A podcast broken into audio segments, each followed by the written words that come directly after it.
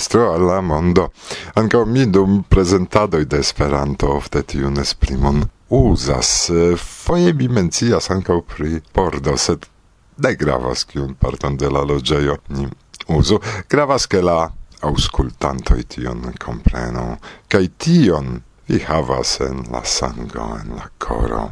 Ne unufoje tion mi rimarkis ankaŭ en la tempo, kiam niajn sortojn ligis instruado lau ce metodo, instrumaniero se iu el vi, carai aŭskultantoj, ne scias, kiu flamigis ancau la plei iunan filinon de la maestro, Lidia, tiu la plei iuna filino de li.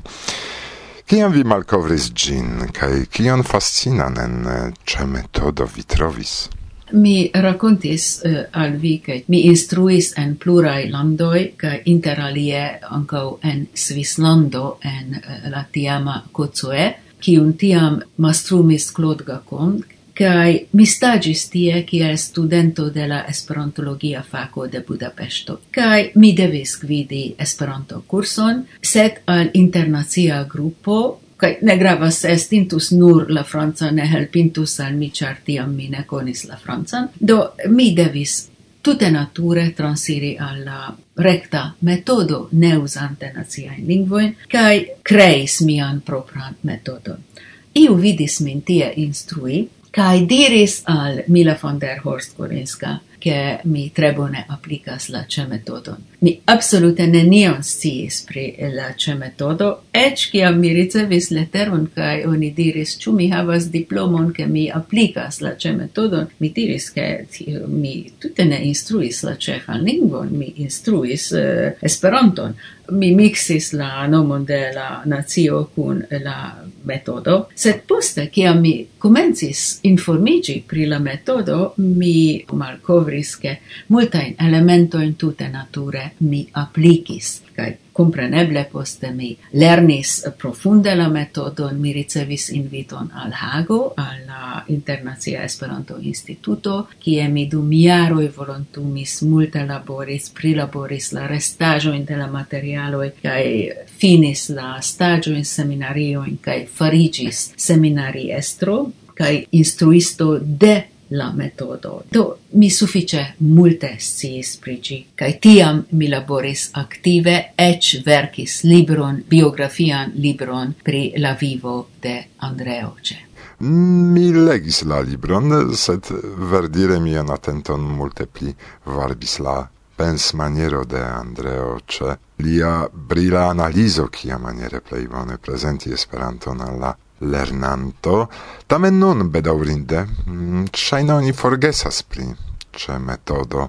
gi ne famas jam tiel, kiel iam mi memoras, do se gi estis tiel bona kaj trafa, kiel oni nun pri gi forgesas? La metodo ne plu estas tiom fama kaj fakte jam en la sesdecai, sepdecai iaroi gi perdis el sia famo. Estos tutte nature, char gi estos tre speciala. La cel gruppo de ce metodai cursoi cae rect metodai cursoi en tiu senso estos limigitai. En la metodo ni ne usas lerno libroin, ni ne precipe kai nerecte instruas legadon kai scribadon. Do en la tempo, en la dudeca iaroi, kiam mankis lerno libroi, kiam oni amase lernis, kiam en la cursoi sidis eh, nazie mixitai homoi, do estis tute nature coruse paroligi ilin, uzi nur la cellingvon, uzi multe da gestoi kai obiectoi. Do, sed nun tempe tio shainas tempo perdo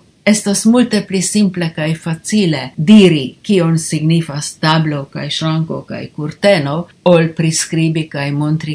Do la metodo ne plu estas tio kio en la nuna tempo bovas esti bona solvo. Sed, same kiel mi dedicis suffice grandan parton por la analizo de tiu valora metodo en la nova manlibro pri instruado de Esperanto, tre gravan chapitron char elementoi de la metodo estas tre bonai por diversai circunstanzoi. Et se ni ne povas gin usi, ne valoras usi complete, pure, kiel tion la rect metodai instruistoi volas au la ce metodai principoi postulas, elementoin, trucoin, practicoin, lertoin, oni jesia tre efike povas usi en granda gruppo internazia kiam oni estimas coruse ripetigi aferoi, au pantomime ludi calcain aferoin, apliki multain scherzoin cae legajoin, Ec en aina metodo povas esti refreshigoi amusai partoi,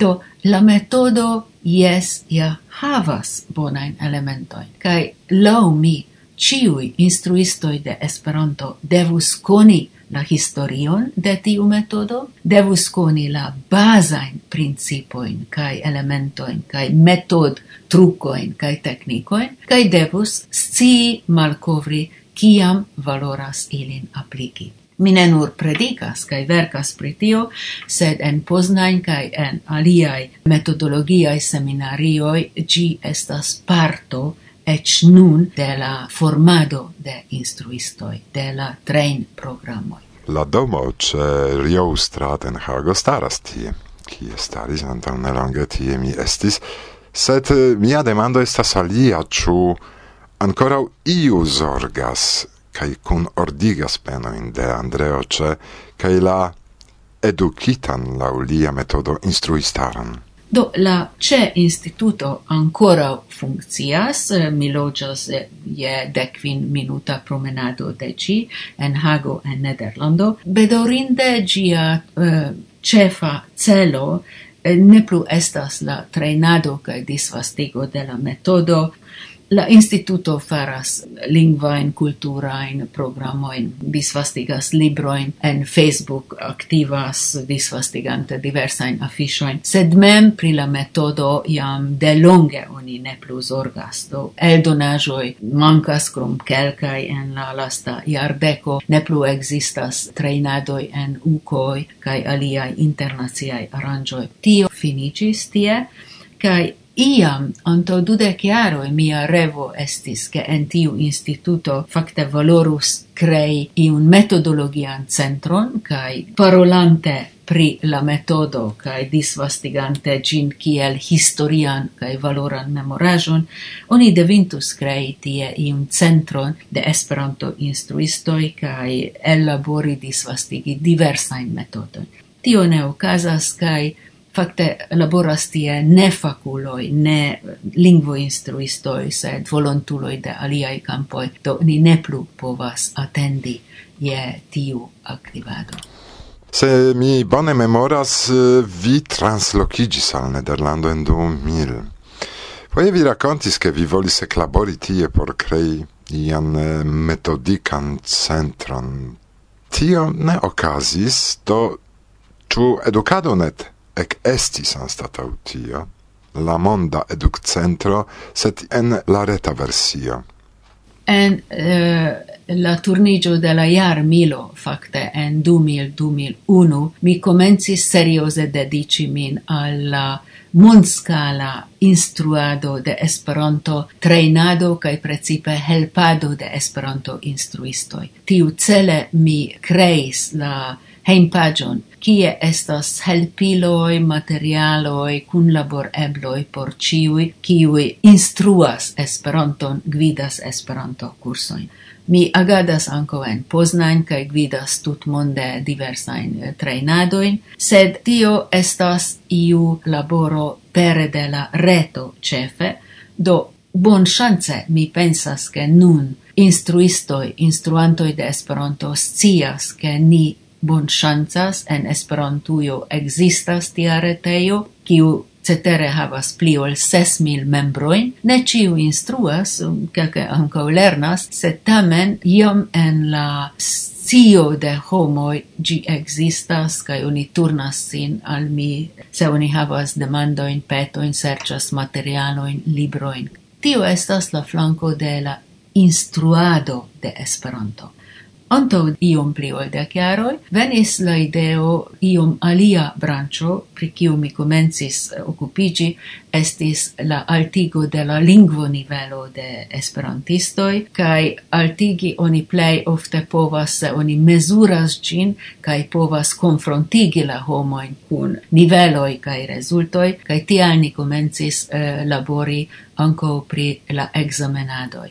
En Hungario fine de 1990 iaroi, mi laboris pri la taksado kaj eh, normigo de lingvaj examenoi, do tiujn mia miajn profesiajn el la itala kaj rusa mi sukcese povis transporti ankaŭ por Esperanto. Mi komencis kun labori kun la Budapesta examen centro kaj la comuna Europa referens cadro, kiu aperis en 2001 farigis facte la bazo en tuta Europo poste mondscale por lingvo instruistoi cae examenantoi. Anko ni creis Esperanto version, anko ni sukcesis elabori Esperanto examen sistemon laŭ tiu nivelo kaj mi povas diri al vi ke tio estas anco lingvo politike granda paŝo. Ni estis en Strasburgo, oni eh, fakte listigas Esperanton kiel lingvon eh, sistemon en la hejmpaĝo de eh, la Europa Konsilio agnoskis niajn strebojn kaj niajn ekzamenojn. Alte la asocio de lingvotestistoj de Europo havas Esperanto eh, membrojn kaj tiel plu.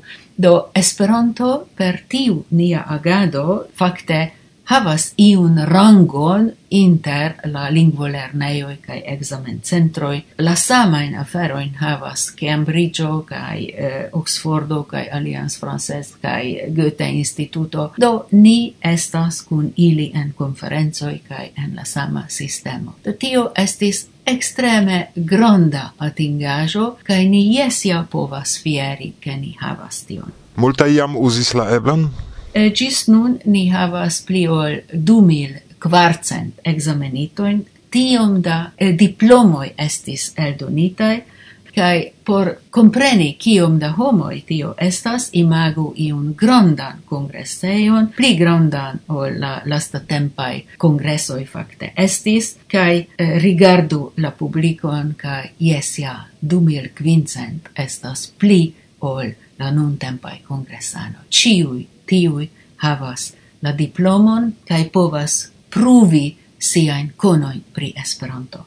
Por mi tio signifas ke de nun kiam oni demandas min ofte kiom da homoj parolas en la mondo Esperanton, mia unua reago estas ke na ni ne scias, ciu vi scias kiom da vegetaranoj estas en la mondo. Ne. Sed Ni scias che du mil quarcent homoi examenigis lau la Comuna Europa referens cadro cae ties niveloi, cae per tio ili pruvis che ili ne estas amatoroi, che la lingvo estas jesia scienzo cae altnivela afero, cae ili per la examenigio montris che ili regas bone la lingvo. Cae tiam, ciam ni argumentas per tiui, la eh, cun parolantoi ne plu povas iel negative priugi Esperanton, ne povas diri che estas stulta hobio de quelcae verduloi, sed jesia devas agnoski la locon de Esperanto.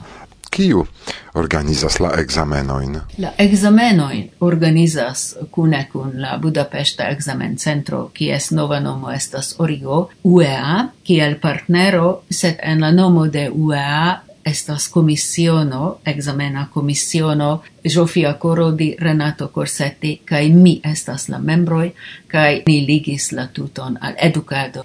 Tie ocasas la preparo alla e la informado, oni povas aligi, tie estas la resultoi. Do educado net farigis en la esperantista flanco la nesto de la ker examenoi, cae unu el miai plei shatatai eh, cevaloi, non tempe. Sed compreneble, examenigi signifas iam havi iun nivelon.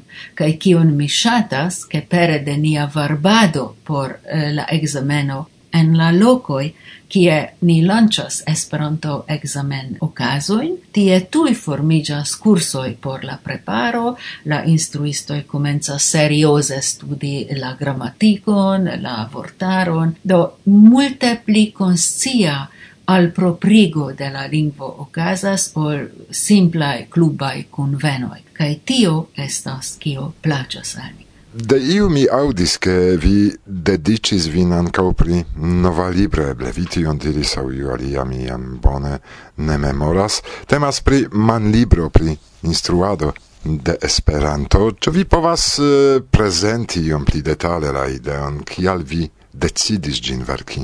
La instruado de la lingvo la trainado de bonai esperantistoi por che ili farigiu vere almeno ne tutte professiae sed almeno trainitae instruistoi. Estas unu el miai gravae laboroi, kai giuste por iel resumi tiun agadon, mi jam anto pli ol dec jaroi kun redactis la manlibron instruado pri Esperanto, sed en la lastai du jaroi mi dedicis la plimulton de mia tempo por tiu laboro, cae nun venis la quara tute tute amplexigita el dono de tiu grava libro.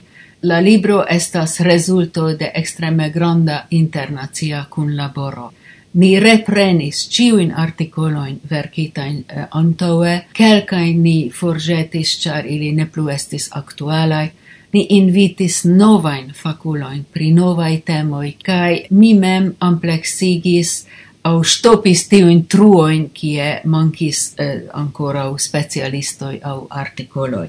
Anstatau la antaua, kiu ne atingis ducent pagioin, la nuna libro havas tricent quindec uh, du pagioin, kun bonega indexo kai pri la nomoi, kai pri la temoi, kai grandegain gravain chapitroin kiui helpas al instruistoi kai instruantoi orientigi kai econi tiun metion de instruado. Ni parolas pri instrumetodoi historiae, tra rigardoi estas en la libro, ni parolas pri instrumaterialoi kiel plani nian laboron, pri exerzoi concrete cae tipoi, ni donas consiloin por instruistoi, pri la examenoi estas partoi la taxado, kiel organizi varbi por Esperanto, cae multai aliai articoloi helpas ancorau tiuin, kiu interesigas pri metodiko. La libro aperis en pasinta decembro, oni povas aceti ancorau elektronikan formon de gi, au mendi la libron, sed ni, esperantistoi, nun vere povas fieri en la mondo pri tio, ke ni havas anco altnivelan, bonan, amplexan, metodologian fac libron pri instruado de Esperanto la libron oni povas aceti por si mem, oni povas donaci al lerneioi au almeno montri kie vi povas enconduci Esperanton, vi povas mendi gin por donaci al bibliotecoi kie jam existas Esperanto libroi au al universitatoi. Estas libro pri kiu ni ne besonos honti, bonŝance kai mi esperas che estos pli kai pli da legantoi, pli kai pli da reagoi. Baldau mi comenzos labori anco pri reta versio, ne electronica libro, sed eh, estos aparta pagio por la man libro en educado, ne? kie ne nur la textoi trovigios, sed ligoi kai specialai rectai aldonajoi filmoi, kiui helpas ec pli vaste, pli vive compreni la teorian parton. Do almeno tiel pere de la reto, mhm, kion vi scias che pro qualito de la registrado ne vere mi shatas, sed, oni diras proverbe en Pollando, pli bonas pasero en mano ol colombo sur tegmenta. Dankon, Katalin, pro la rencontigio. Yes, mi mem dankas vin kai core salutas ciuin auscultantoin de Varsovia Vento. Gis!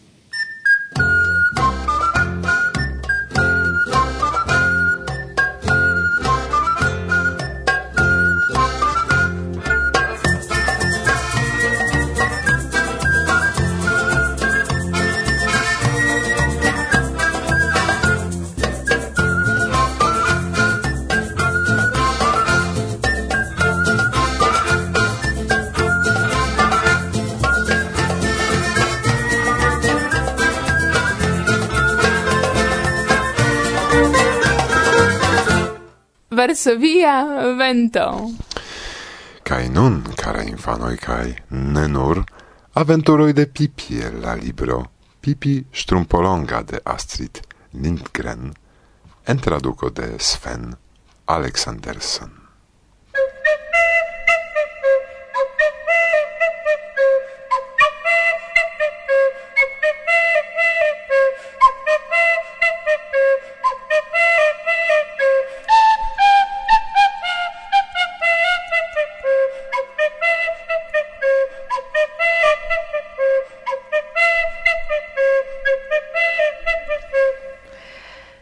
Ce la rando de la eta urbo situis malnova caduca giardeno. En la giardeno estis malnova domo, cae en la domo logis Pipi Strumpolonga. Si estis nauiara, cae si logis tie tute sola. Nec patrinon, nec patron si havis, cae tio facte estis agrableta char tiel estis neniu kiu povis ordoni al si en litigi kiam estas la plei amuse, kaj neniu povis devigi sin en gluti fiŝhepatan oleon, kiam si preferis bombonojn. Iam, antau longe Pipi havis patron, kiun si amegis. Jes, si ankaŭ havis patrinon. Sed tio estis antau tiel longa tempo, ke si tute ne memoras. La patrino mortis, ciam Pipi estis nur malgranda infaneto, ciu cusis en la lulilo, cirante tiel terure, che neniu povis esti proxime. Pipi credis, che sia patrino nun sidas en la cielo, cae mal supren rigardas tra trueto. Cae Pipi cutimis mal svingi supren al si cae diri, ne timu, mi ciam arangigios. Sian patron Pipin ne forgesis. Li esis ship estro, cae veladis sur la grandai oceanoi, cae Pipi estis velinta cun li per lia shipo, gis ciam la patro en stormo estis forblovita en la maron cae mal aperis. Sed Pipi estis tute certa, che iun tagon li revenos. Si tute ne credis che li dronis. Si credis che li flossis alla bordo en iu insulo, cie negroi abundas, cae che li farigis regio super ciui negroi, cae tuttage iras cun or crono sur la capo. Mia patrino estas angelo, cae mia patro estas negro pregio. Vere, ne ciui infanoi havas tiel noblain gepatroin. Pipi cutimis diri tute contenta kai kiam pacio nur povos konstrui shipon, tiam li venos kun preni min, kai tiam mi farigios negro princino. Hei, hop, kiel amuse estos! Sia patro antau multa iaroi acetis tiun malnovan domon en la giardeno. Li intensis logi tie kun Pipi, kiam li estos maljuna kai ne plu havos forton veladi sur la maroi. Sed okazis la bedaurinda afero, che li estis forblovita en la maron, Cai dum Pipi attendis che li revenu, si heimen velis la rectan voion al Vilao vilaltao. Ien la nomo de la domo. Gi staris tie meblita cae preta cae attendis sin.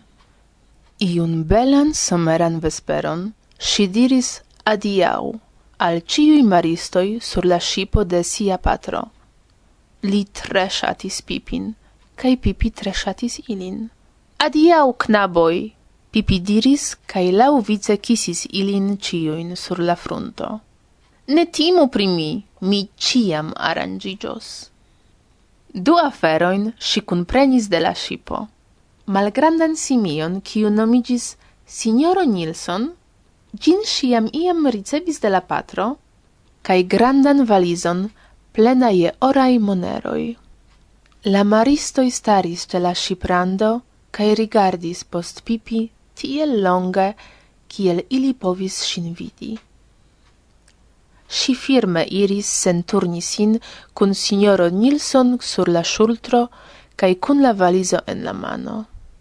Rimarkinda infano, diris unu el la maristoi, cae forvisis larmon en la oculo, ciam pipi malaperis en la foro. Li pravis. Pipi estis tre rimarkinda infano. Plei rimarkinda pri si estis, ke si estis tiel forta. Si estis tiel fortega, ke en la tuta mondo ne existas policisto, kiu estis same forta kiel si. Si povis levi tutan cevalon, se si volis. Kai si volis. Si havis propran cevalon kiun si acetis la saman tagon kiam si heim revenis alla vilao Vilaltao. Si ciam desiregis havi propran cevalon, cae nun gi logis sur la verando. Sed kiam Pipi volis trinki sian postagmezan kafon tie, si sen ceremonie forlevis gin en la giardenon. Apud vilao Vilaltao situis alia giardeno cae alia domo. En tiu domo logis gepatroj cun siaj du bonai infanetoi, knabo kai knabino. La knabo nomigis Tomi kai la knabino Agno. Ili estis tre afablai, bon condutai kaj obeemai infanoi. Neniam Tomi mordadis siein ungoin. Ciam li faris tion, kion lia patrino petis ilin fari. Anjo ne protestis kiam io ne iris lau sia volo. Kaj ciam si estis tre bel aspekta en bone gladitaj cotonai robetoi, kiun si zorgis ne malpurigi. Tomi cae Anjo ludis unu kun la alia, sed ofte ili deziris havi lud amikon, cae en tiu tempo, ciam Pipi ancora veladis sur la maroi cun sia patro, ili cutimis foie stari apogantai sin alla barilo dirante uno alla alia. Kiel stulte, che neniu povas eclogi in tiu domo. Iu devas logi tie, iu cun infanoi.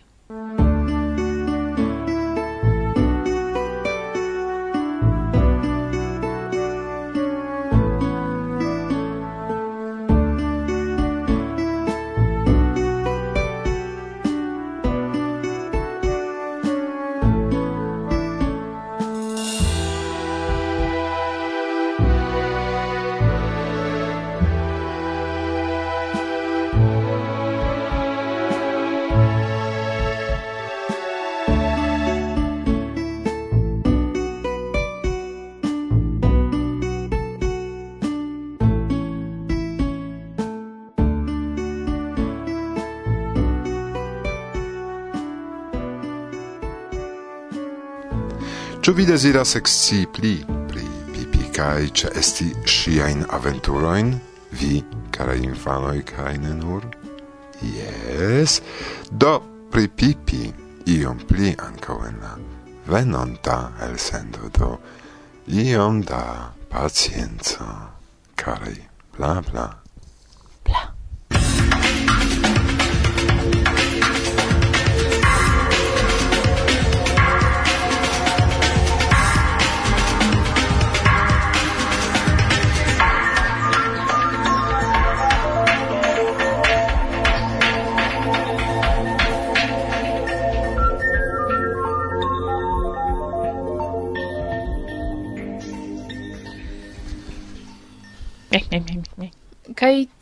alvenis alla fino de ci programo. La sekva antau Kristnasko. Kai en Ne Ne malkaŝu. Denove sekreto? Ne, sed eh, ancora mi ne decidis fakte kion ni prezentos. Ah, jes, vi pravas. Cion bonan do al vi, caraj auscultantoj, kie ein vi esperantumas kaj vivas kaj gis la baldaŭa reaŭdo. Ci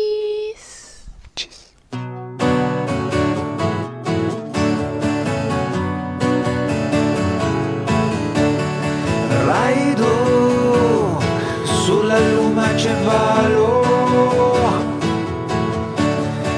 Raido, sulla luma c'è valo.